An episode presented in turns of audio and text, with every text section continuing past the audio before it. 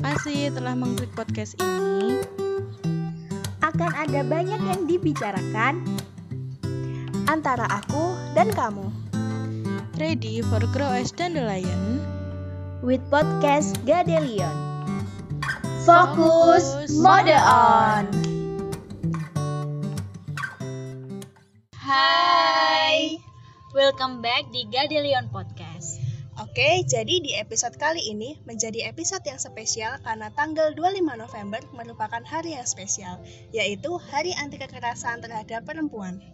Oleh karena itu, di hari yang spesial ini, kita bertiga hadir untuk menemani kalian selama di episode kali ini, yang akan membahas seputar kekerasan terhadap perempuan. Well, kalau ngomongin tentang kekerasan, sebenarnya apa sih itu kekerasan? Jadi kekerasan atau violence itu ternyata berasal dari bahasa Latin, yaitu violentus, yang berasal dari kata vi atau vis, berarti kekuasaan atau berkuasa. Jadi kekerasan itu merupakan sebuah ekspresi yang baik dilakukan secara fisik maupun secara verbal yang mana mencerminkan pada tindakan agresi dan penyerangan pada kebebasan atau martabat. Nah, kekerasan ini tuh sebenarnya banyak banget penyebabnya.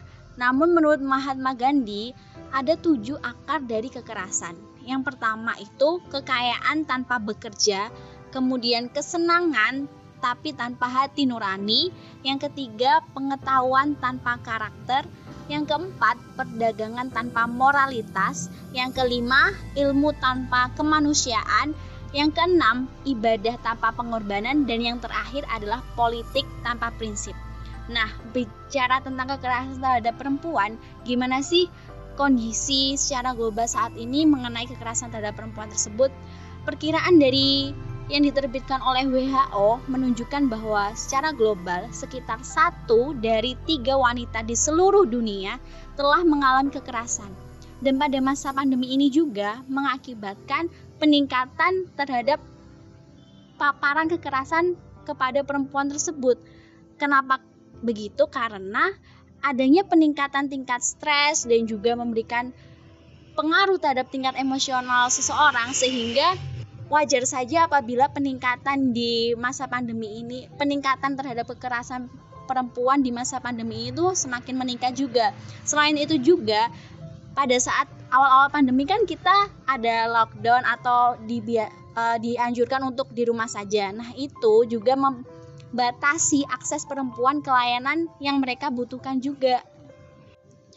Nah, setelah kita membicarakan tentang bagaimana kondisi kekerasan terhadap wanita secara global, kita bertiga akan mengajak kalian juga untuk mengetahui gimana sih gambaran kondisi kekerasan terhadap perempuan menurut pandangan orang-orang di sekitar kita gitu.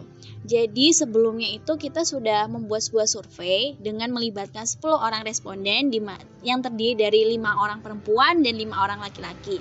Nah, kita di survei tersebut mengajukan beberapa pertanyaan kepada mereka, lalu kita akan menjelaskan gambaran bagaimana sih tanggapan mereka terhadap pertanyaan tersebut dan pertanyaan-pertanyaan itu tentunya berkaitan juga dengan kekerasan terhadap perempuan. Nah, ada beberapa pertanyaan. Yang pertama itu adalah apa saja yang kamu ketahui tentang kekerasan terhadap perempuan?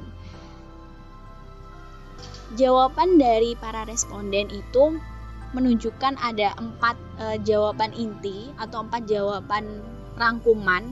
Yang pertama, menurut mereka atau apa yang mereka ketahui tentang kekerasan terhadap perempuan adalah kekerasan yang terjadi secara fisik dan juga mental. Yang kedua, kekerasan verbal. Yang ketiga, sexual harassment atau termasuk juga dalam lingkup kekerasan secara seksual. Yang keempat yaitu KDRT atau kekerasan dalam rumah tangga. Yang mana kekerasan dalam rumah tangga ini itu menurut Undang-Undang Nomor 23 Tahun 2004 ada empat bentuk kekerasan juga yang sering terjadi di dalam rumah tangga, seperti fisik, emosional, seksual, dan juga ekonomi. Jadi bisa kita simpulkan bahwasanya jawaban dari para responden ini lebih mengarah pada jenis-jenis kekerasan itu sendiri.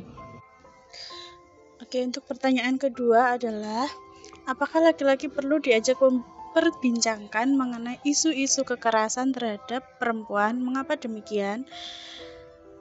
Dari jawaban 10 responden yang kami dapatkan, semuanya menjawab perlu.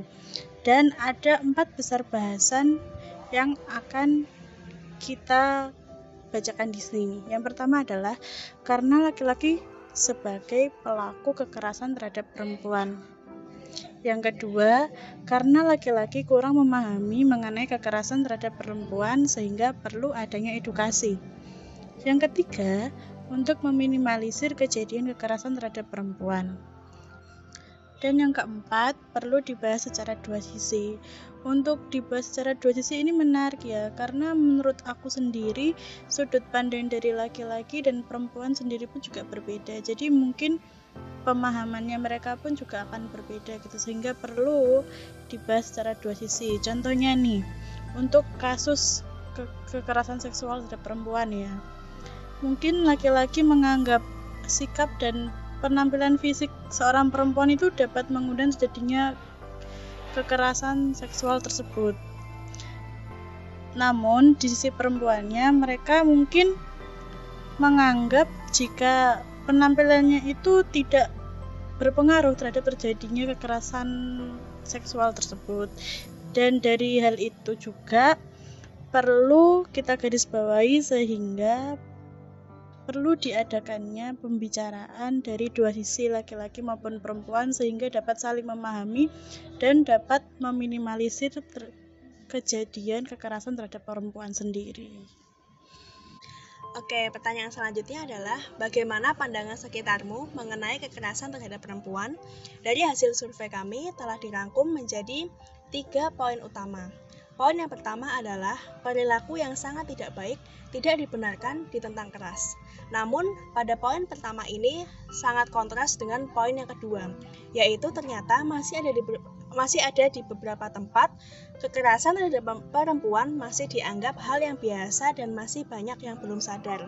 Oleh karena itu, pada poin ketiga ada beberapa responden yang mengharapkan untuk lebih banyak diadakan pembekalan atau sosialisasi mengenai kekerasan terhadap perempuan. Uh, jadi setelah membaca dan melihat hasil rangkuman ini, baik yang sudah aku rangkum jadi tiga poin ini ataupun dari keseluruhan survei, cukup kaget sih sebenarnya ternyata masih banyak beberapa tempat yang menganggap bahwa kekerasan terhadap perempuan ini dianggap biasa. Padahal uh, berita-berita di luar sana ataupun dari lingkungan-lingkungan sekitarnya juga uh, masih banyak nih eh, kasus-kasus di mana perempuan mengalami kekerasan dan aku juga sangat setuju dengan beberapa responden yang mengharapkan adanya pembekalan atau sosialisasi ini. Jadi untuk pembekalan dan sosialisasi ini harapannya juga nggak hanya kepada perempuannya, tapi juga kepada laki-laki ataupun masyarakat umum mungkin bisa tentang bagaimana sih kita menghadapi situasi kekerasan itu, bagaimana kita menanggapinya. Jadi mungkin untuk pertanyaan ini aku juga sangat setuju dengan teman-teman yang sudah memberikan respon ini. Oke, setelah dari per tiga pertanyaan dan juga jawaban yang udah kita bacain tadi, selanjutnya ini ada dua pertanyaan lagi tapi bentuknya tuh polling. Nah, di dua pertanyaan ini tuh nanti para responden diharapkan untuk memilih salah satu dari empat pilihan yang udah ada.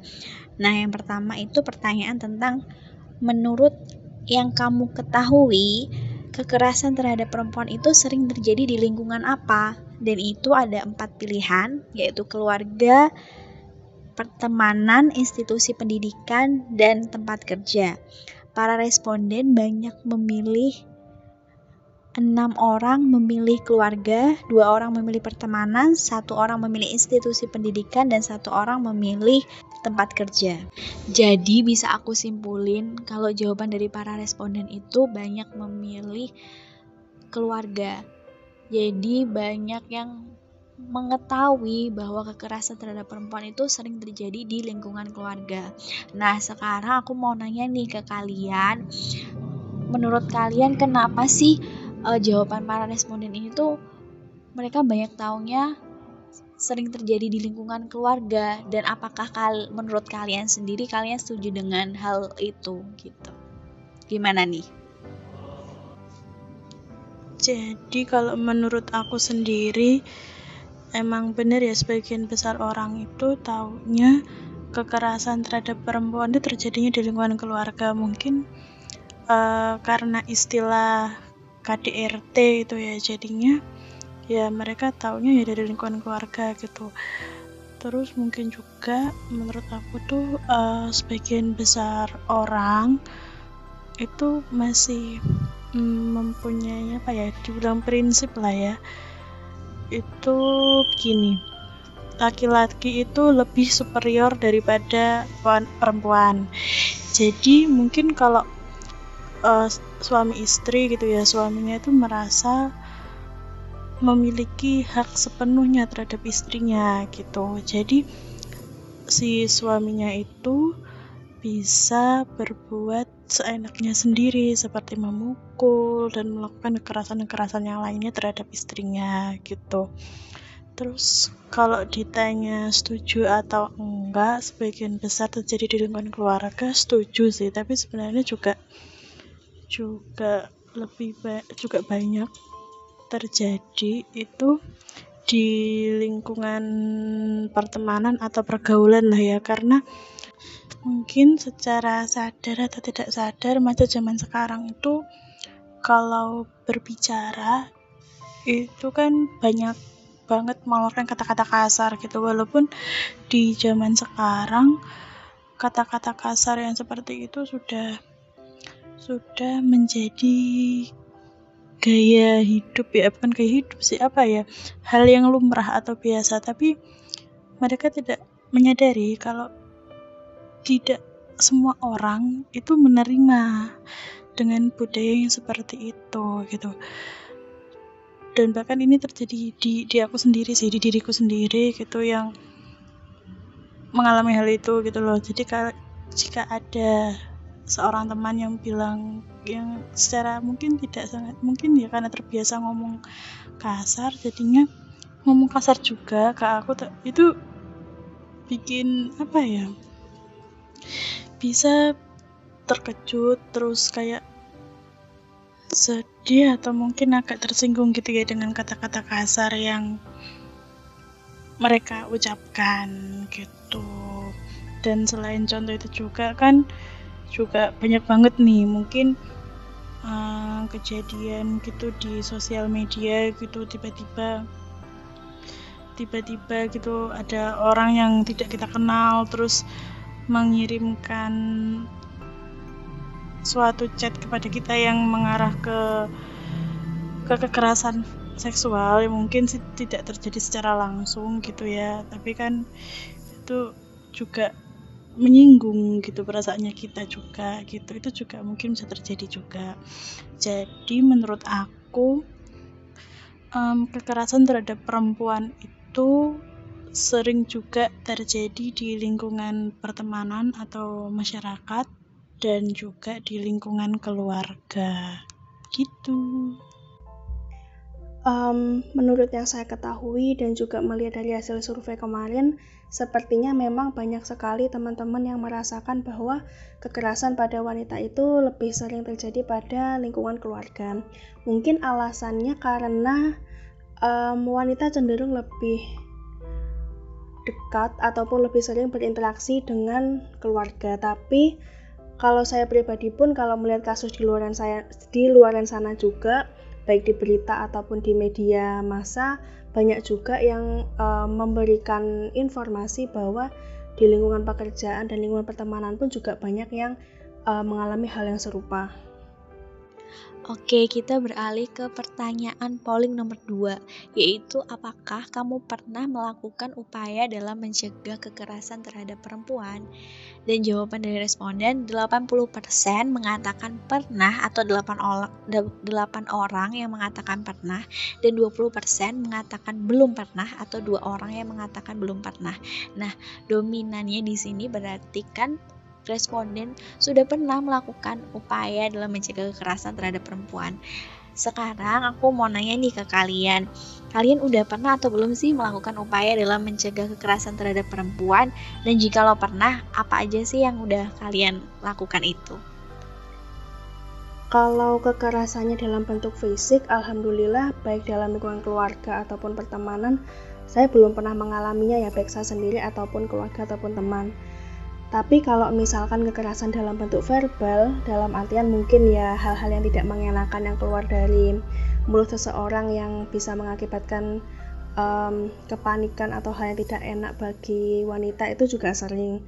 Nah, upaya saya itu biasanya saya menegur gitu pihak-pihak yang uh, melakukan tindakan yang tidak baik itu. Menegurnya dalam hal kayak bertanya ngapain kayak gitu, kenapa kok ngelakuin itu, itu hal yang nggak baik loh gitu. Dan dari cara saya menegur itu pun alhamdulillah ada beberapa yang tidak melakukannya lagi tapi ada juga yang memang sedikit bandel. Tapi uh, kalau menurut saya masih dalam tahap yang bisa dihandle lah nggak yang terlalu parah gitu. Jadi kalau upaya saya sih biasanya menegur. Kalau memang dia sudah kelewat batas baru saya melakukan hal yang lebih. Mungkin um, berbicara lebih dalam lagi antara dia dan korban kayak gitu. Kalau untuk upayanya aku nggak tahu ya ini bisa dibilang upaya atau tidak karena aku tuh hmm, hanya bercerita gitu ke ke orang tua ke ke keluarga gitu kalau seandainya tuh kalau misalnya tuh ada ada kejadian atau ada kasus lah kekerasan terhadap perempuan gitu. Dan mungkin karena cerita-cerita yang aku berikan juga ke keluarga mereka juga bisa paham gitu. Mereka juga bisa paham kalau seandainya kalau laki-laki melakukan kekerasan terhadap perempuan itu dilarang itu tidak diperbolehkan. Karena di keluargaku sendiri pun alhamdulillahnya belum pernah ada kasus kekerasan seperti itu. Itu sih kalau aku. Oke, aku setuju banget sih sama tanggapan kalian terkait dengan pertanyaan dua polling uh, dua pertanyaan polling tadi. Nah, itu kalau bicara tentang kenapa sih uh, di lingkungan keluarga itu banyak kita temui kekerasan terhadap perempuan bisa dibilang mungkin karena adanya batasan-batasan ya di tempat-tempat lain seperti contohnya tadi kan ada pilihan tentang lingkungan tempat kerja dan juga institusi pendidikan. Nah, di situ kan ada batasan yang lebih gitu karena adanya aturan-aturan di dalamnya gitu. Nah, sedangkan kok di lingkungan pertemanan itu memang mungkin uh, aturannya itu nggak se ketat dari lingkungan tempat kerja ataupun lingkungan institusi pendidikan tapi di pertemanan itu pasti kita kayak ngerasa eh, nggak uh, enak hati gitu kan kalau semisal mau melakukan sesuatu atau mau berbicara sesuatu itu rasa nggak enak hatinya tuh kayak lebih tinggi gitu dibandingkan kalau semisal di lingkungan keluarga. Nah kalau menurut aku sih itu sih mungkin bisa menjadi uh, faktor-faktornya itu kenapa di lingkungan keluarga itu banyak ditemui adanya kekerasan terhadap perempuan. Kemudian kalau terkait upaya juga aku setuju dengan adanya dengan kita menegur ataupun kita bercerita tentang kasus terhadap uh, kekerasan terhadap perempuan yang ada itu bisa menyebarkan awareness juga kepada orang lain. Nah, mungkin kita juga perlu adanya uh, upaya untuk menambah wawasan diri kita agar kita itu bisa lebih memahami kekerasan terhadap perempuan tuh apa aja sih, gimana aja sih dan juga meningkatkan awareness kita sendiri juga tentang kekerasan terhadap perempuan itu sendiri. Nah, sebelum mengakhiri podcast episode kali ini, aku mau menyampaikan rangkuman pesan-pesan dari responden di hari yang ingin mereka sampaikan di hari anti kekerasan terhadap perempuan ini.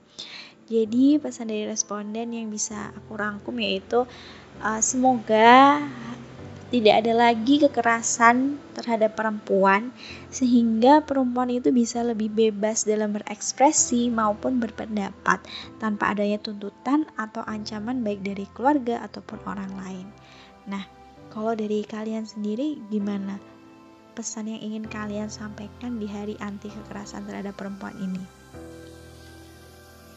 Di hari anti kekerasan terhadap perempuan ini, aku hanya ingin menyampaikan jika sebenarnya perempuan itu harusnya lebih dijaga dan dilindungi, bukannya malah disakiti. Karena bagaimanapun semua manusia di muka bumi ini dilahirkan dari seorang perempuan.